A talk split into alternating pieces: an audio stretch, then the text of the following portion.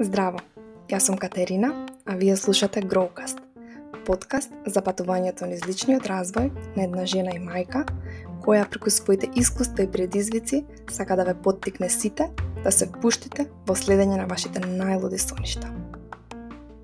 Овој подкаст е поддржан од Embryolis Косметика.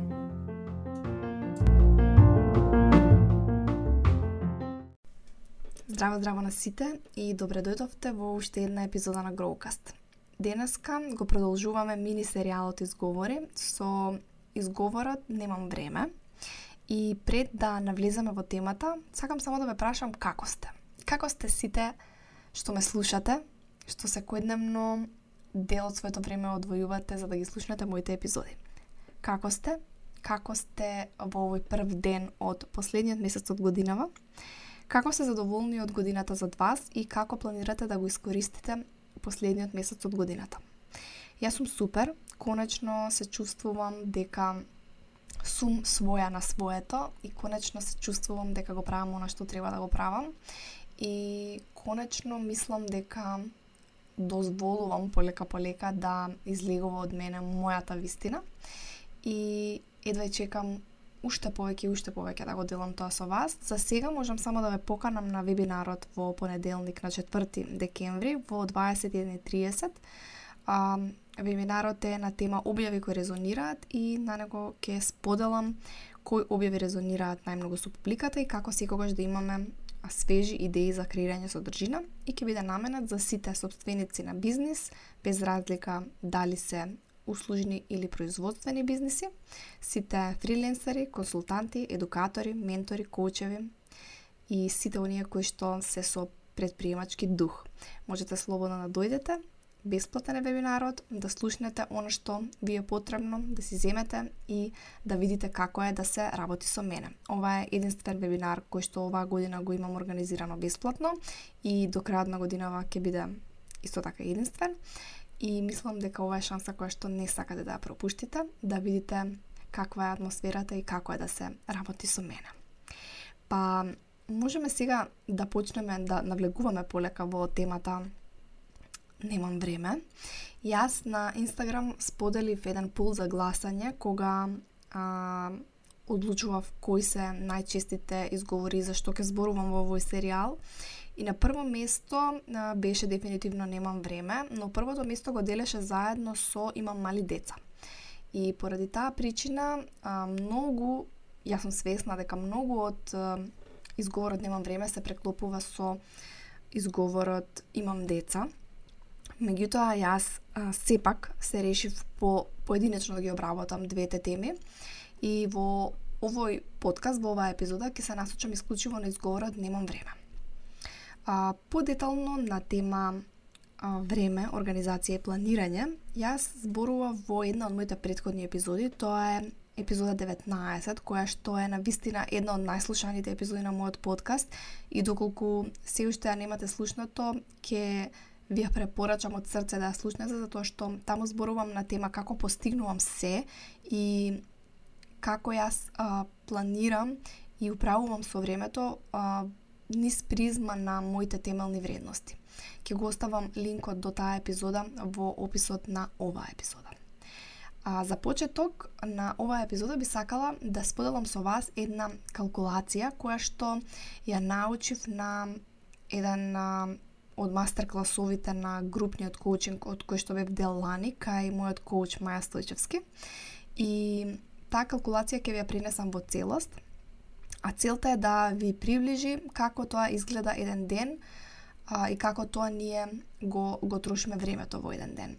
Па, да речеме, за почеток дека ќе ја гледаме неделата како целина. Една недела има 168 часа, од нив 56 часа ги користиме на спиење, ако зимаме во просек дека спиеме 8 часа во денот. Знам дека многу од вас спијат многу помалку, но Јас ќе го земам 8 како оптимално време затоа што исклучиво е важно да посветиме внимание на сонот. Остануваат 112 часа. Од нив одзимаме 63 часа наменети за работа, во просек 8 часа во денот плюс дополнителни 15 часа за превоз и спремање. И со тоа ни остануваат 49 часа. Од нив да одземеме 7 часа за набавки за дома или шопинг, ќе ни останат 42 часа. Од нив да одземеме 14 часа за гледање серии, филмови, телевизија, генерално ќе ни останат 28 часа. А од тие 28, ако одземеме уште 7 часа, за готвење ни остануваат 21 час. Значи, имаме 21 час слободен за да ги искористиме на се што сакаме. Доволно е 30 минути во денот да посветиме на работа на себе или 3,5 часа вкупно во неделата. И да се разбереме, и кај мене не е секој ден исто, и кај мене не е дека секој ден јас земам 30 минути, но може би еден ден ќе земам еден час, час и пол, другиот ден нема да земам воопшто време, за да го посветам на она што го сакам. И зошто тогаш покрај целата едукација, истражувања, достапни ресурси, курсеви, и покрај сето тоа, сепак постои изговорот кај многу од нас дека немаме време да направиме нешто. Па со вас ќе ја споделам а, она а, оној цитат сите имаме исти 24 часа во денот, кој што лично мене многу, многу ме иритира и не знам за вас, но ја сум сигурна дека да, сите имаме исти 24 часа во денот, но не сите имаме исти ресурси, не сите имаме исто иста количина на помош, не сите имаме исти енергетски капацитети, не сите имаме исти приоритети. И во врска со ова споделив еден пост кај мене на Инстаграм, кој што беше некако вака сега ќе пробам да го, да го кажам низ ист начин. А ако си мајка која а, на која децата и се дома и која нема помош, не можеш да имаш бизнис и да креираш а, содржина исто како онаа мајка која има помош и децата ја во градинка. Доколку си некој кој има деца, не можеш да креираш и да градиш бизнис како некој што нема деца. Доколку си вработена, не можеш да креираш содржина и да градиш бизнис како некој што е невработен. Доколку се грижиш за некој друг, не можеш да креираш содржина и да градиш бизнис како некој што е невработен.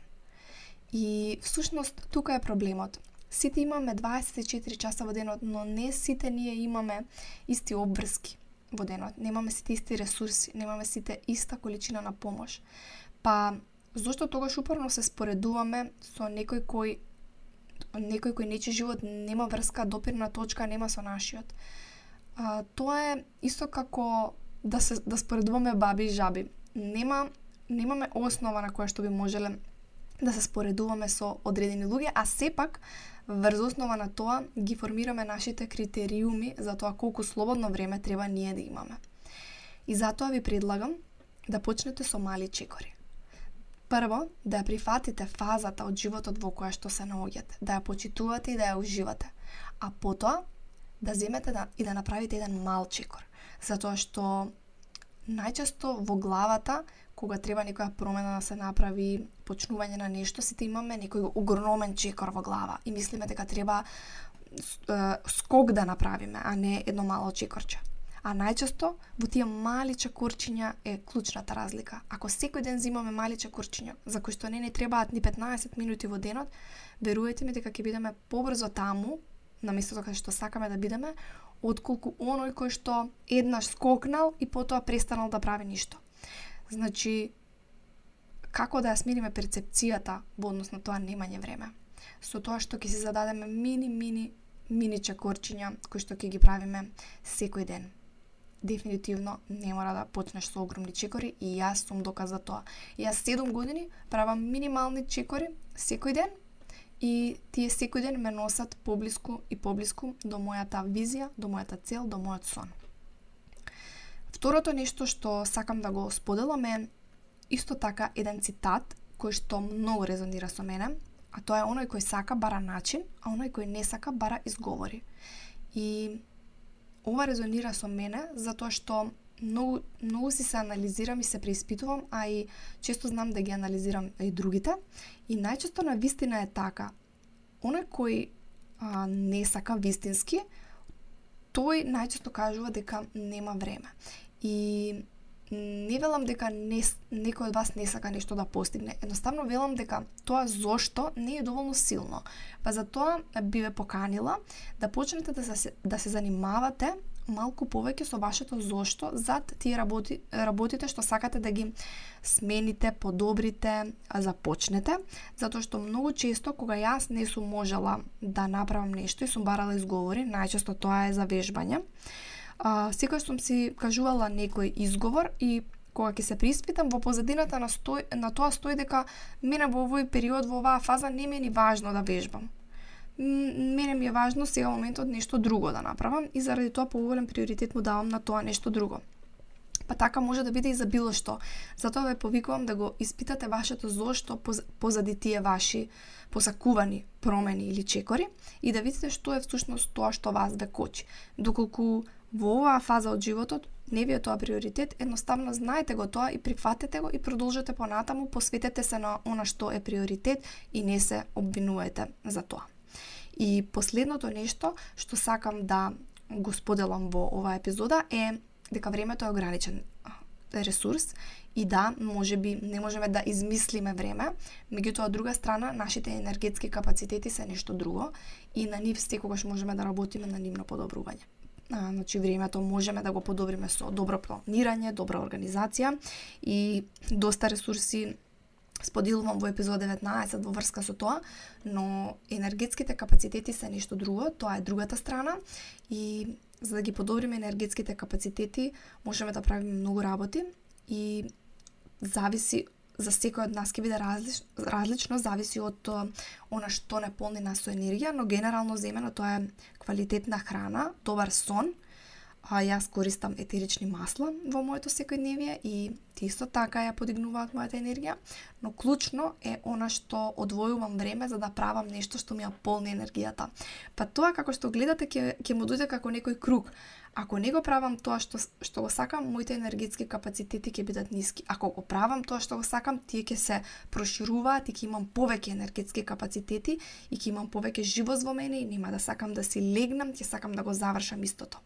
А, пред малку завршив со еден телефонски разговор со а, една од моите следбеници на Инстаграм, а, со која што приватно си искомунициравме за нешто и баш разговаравме за незината животна страст и за незиниот повик и таа ми кажа некогаш до два и пол по полнок седам и не чувствувам дека поминало времето и не ми се спие и не сакам да легнам додека не го завршам тоа што сум го почнала. Затоа што Јас знам зошто го прави таа тоа, затоа што има многу силно зошто позади него, затоа што таа ужива во тоа и мотивацијата е премногу силна за да за да таа престане. И со тоа што го прави, тоа што го сака, таа си ги полни незините енергетски капацитети. И ви препорачувам на сите да размислите како можете повеќе да си ги наполните вашите енергетски капацитети. Од друга страна, ви препорачувам да почнете да истражувате почнете со епизода 19 на, за начини за тоа како подобро да го планирате и организирате вашето време и конечно еднаш за секогаш да заборавиме на изговорот немам време. Ви благодарам што ја слушавте оваа епизода и се слушаме во следната епизода и а, четвртата од мини серијалот Изговори. Ви посакувам убав почеток на месец декември и се надевам дека се слушаме повторно. Поздрав!